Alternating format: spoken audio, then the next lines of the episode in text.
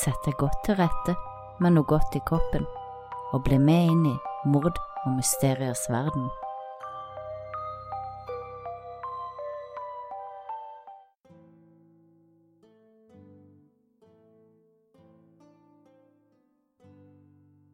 Denne uka tar vi turen til Irland, der to søstre fikk kallenavnet Skissersister etter at de drepte og parterte morens kjæreste og dumpa han i elva. Linda Charlotte Mullal vokste opp sammen med sin far og mor, John og Kathleen Mullal, tre brødre og en tredje søster. Linda ble født i 1975, og hun var den eldste i søskenflokken. Charlotte kom til verden ni år etter, i 1984. Foreldrene deres, John og Kathleen, gikk fra hverandre i 2002, etter mange års ekteskap. Det hevdes at John ikke behandla sin kone Kathleen særlig pent, og det var mye alkohol, vold og krangling som prega hjemmet. I 2002, bare kort tid etter at Kathleen og John gikk fra hverandre, møtte Kathleen en ny mann, somalieren Farah Noor. Kathleen og John bodde ennå sammen i familiens hjem men det hindra ikke Kathleen i å la sin nye kjæreste Farah flytte inn. Kort tid etter tok John med seg noen av barna og flytta ut. Farah Noor kom til Irland fra Somalia i desember 1996. Her søkte han om beskyttelse og opphold, og i mars 1999 fikk han innvilga irsk statsborgerskap, etter at han fikk en sønn med en irsk kvinne. Farah hadde på dette tidspunktet flere dommer på seg for en truende og voldelig atferd. I 1997, bare ett år etter han kom til Irland, så voldtok han ei kinesisk psykisk utviklingshemma jente på 16 år. Voldtekten resulterte i at jenta ni måneder senere fødte en sønn. To andre kvinner hadde også barn med Farah, og begge hevda de at han hadde voldtatt dem. Farah var spesielt voldelig mot kvinner, og på tross av anmeldelser og dommer slapp han unna soning i fengselet. Etter at Kathleen og Farah hadde bodd i hennes hjem i ett års tid, så flytta de til en leilighet i Cork. Året etter, i 2004, returnerte de tilbake til Dublin. Kathleen og Farah hadde et turbulent forhold. Det var mye drikking, og Kathleen ble stadig utsatt for vold og trusler av Farah. Det var blitt mars 2005. Kathleen og Farah leide nå et lite hus i Summerhill. Denne dagen hadde de besøk av hennes to døtre, Linda og Charlotte. Om bare noen timer skulle livene deres endre seg for alltid. Linda var blitt 30 år og hadde levd et ganske hardt liv, med avhengighet til alkohol og heroin. Hun droppa tidlig ut av skolen og var nå uten arbeid og mor til fire barn. Etter at forholdet til barnas far tok slutt, hadde Linda innledet et nytt forhold med Wayne Kinsella.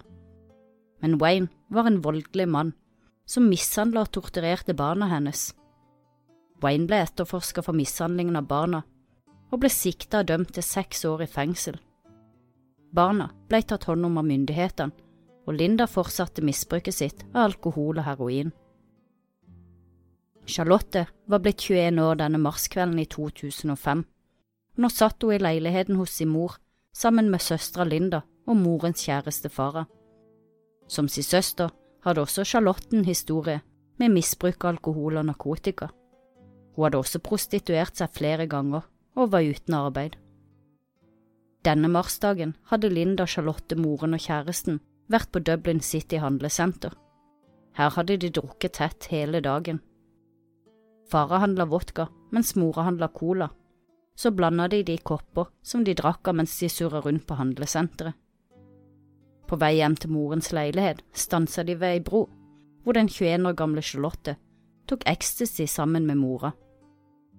Og da de endelig kom hjem til moras leilighet, tok også 30 år gamle Linda en ecstasy-tablett. Deretter knuste mora en ecstasy-tablett og blanda i drinken til kjæresten Farah, sånn at han skulle komme på samme nivå som de. Linda og Farah satt de sammen på en toseters sofa. På armlenet satt søsteren Charlotte Plutselig begynte Farah å beføle Linda på en seksuell måte.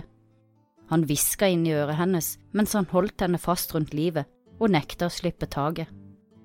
Deres mor Kathleen ble forbanna på kjæresten og begynte å skrike og kjefte på ham, men Farah nekta å slippe taket i Linda og bare lo mot dem.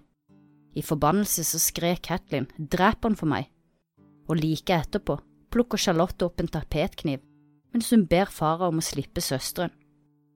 Og da han ikke gjør som hun sier, kutter hun Farah på tvers over halsen. Kuttet var dypt, og Farah gikk rett i bakken, før han begynte å krype mot soverommet. Imens hadde Linda funnet fram en hammer, og nå gikk hun bort og slo Farah gjentatte ganger i hodet mens Charlotte fortsatte å sette kniven i Farahs kropp. Obduksjonen viste at Farah hadde blitt slått og knivstukket minst 27 ganger. Antageligvis var det flere ganger, men patologen hadde ikke mulighet til å obdusere hele Farahs kropp. For etter at Linda Charlotte hadde drept Farah med hammer og kniv, så dro de den livløse kroppen inn på badet. Her parterte de Farahs kropp. De kutta ham hodet, armer, bein og til slutt penisen. Til dette hadde de brukt en kjøkkenkniv og en hammer. Kroppsdelene ble pakka inn i sorte søppelsekker og deretter plassert i sportsbager, før de kasta kroppsdelene ut i The Royal Canal. Det tok søstera og mora flere turer for å få kasta alle kroppsdelene i kanalen. De bestemte seg samtidig for å ikke kaste hodet til fara i kanalen for å gjøre det vanskeligere å identifisere kroppen. I stedet, og dette er ganske sykt, så satte de seg på en buss til Talla med hodet godt plassert i en sportsbag. Da de kom fram, spaserte de gjennom byens kjøpesenter og ut til parken Tymen Nord. Hele tida med faras hode under armen. Neste gang jeg ser noen med en sportsbag, kommer jeg til å tenke på disse søstrene. Da de kom fram til Tymen park, gravde Charlotte et hull i bakken med en kniv, og her begravde de fares hode. Knivene og hammeren kasta moren deres i en dam i nærheten.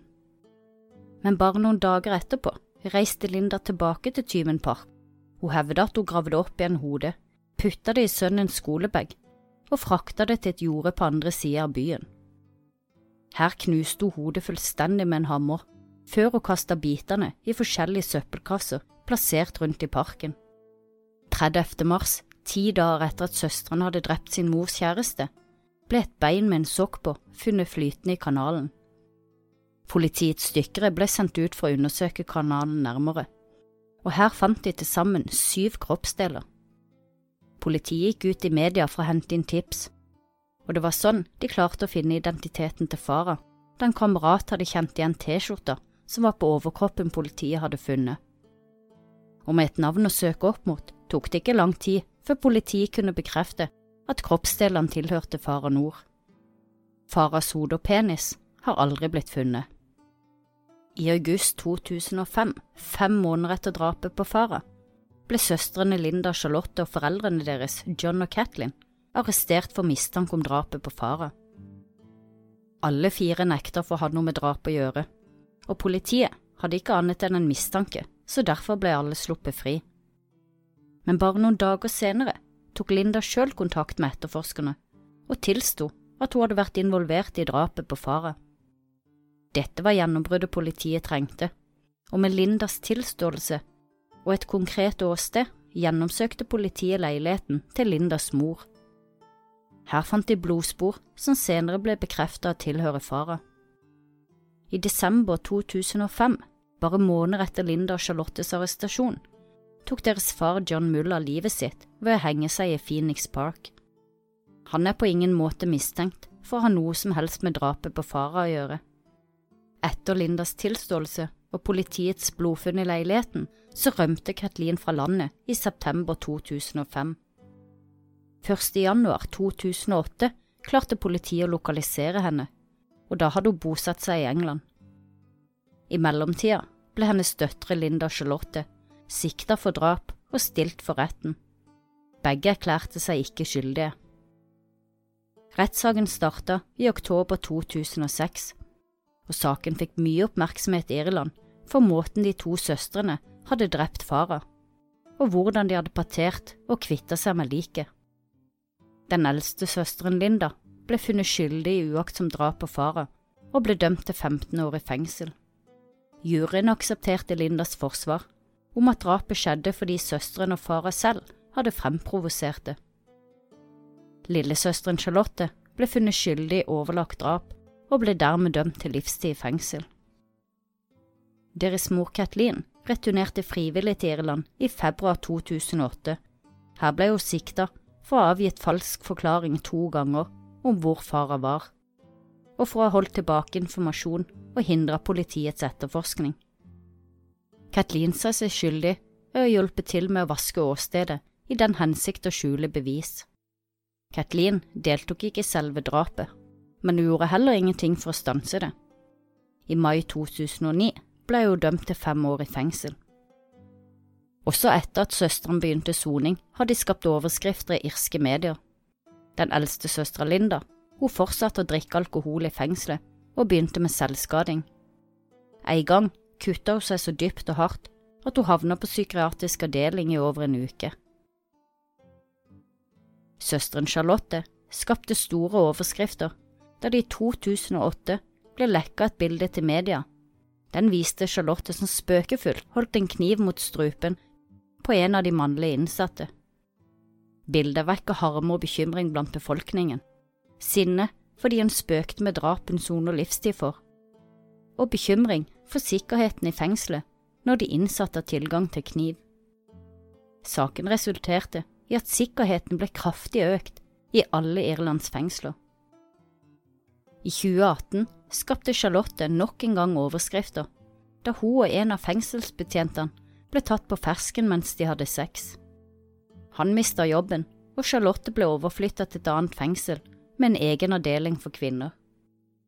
Det ryktes at hun har hatt sex med flere betjenter under pågående soning. Linda ble løslatt i januar 2018, 43 år gammel. Da hadde hun sona 12 av 15 år. Hun ville ikke gi noe intervju da hun ble fri, men det sies at hun har beholdt kontakten med en av fengselsbetjentene som hun forelska seg i under soning. Han skal ha sagt opp jobben i politiet og starta en ny karriere for å kunne fortsette forholdet med Linda. Også Linda skal ha hatt sex med flere politibetjenter under soning, og hun skal ha hatt et forhold i ti måneder med en betjent som var gift. Jeg lurer på hvor høy statistikken er på sex og forhold mellom innsatte og fengselsbetjenter i Irland, og hvorfor de risikerer jobben sin for å ha sex med en innsatt.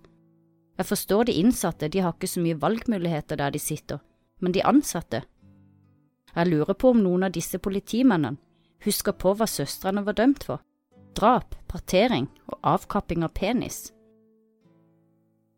Søstrenes mor Kathleen ble løslatt i 2011 etter å ha sona to av fem år. I dag er hun 65 år gammel og bor igjen i Dublin etter noen år i London.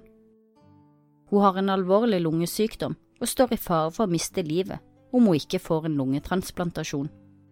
Hennes datter Charlotte er svært bekymret for sin mor og har tilbudt henne en av sine lunger, men til det svarte moren at Charlotte trenger de sjøl. Kathleen har også uttalt at hun er svært lei seg for hva som skjedde med fara, og at hun skulle ønske det aldri hadde hendt. I dag har Kathleen ingen kontakt med sin eldste datter Linda. Hun har uttalt flere ganger at hun har forsøkt å oppnå kontakt med henne, både før og etter løslatelsen, men at Linda rett og slett nekter å svare henne.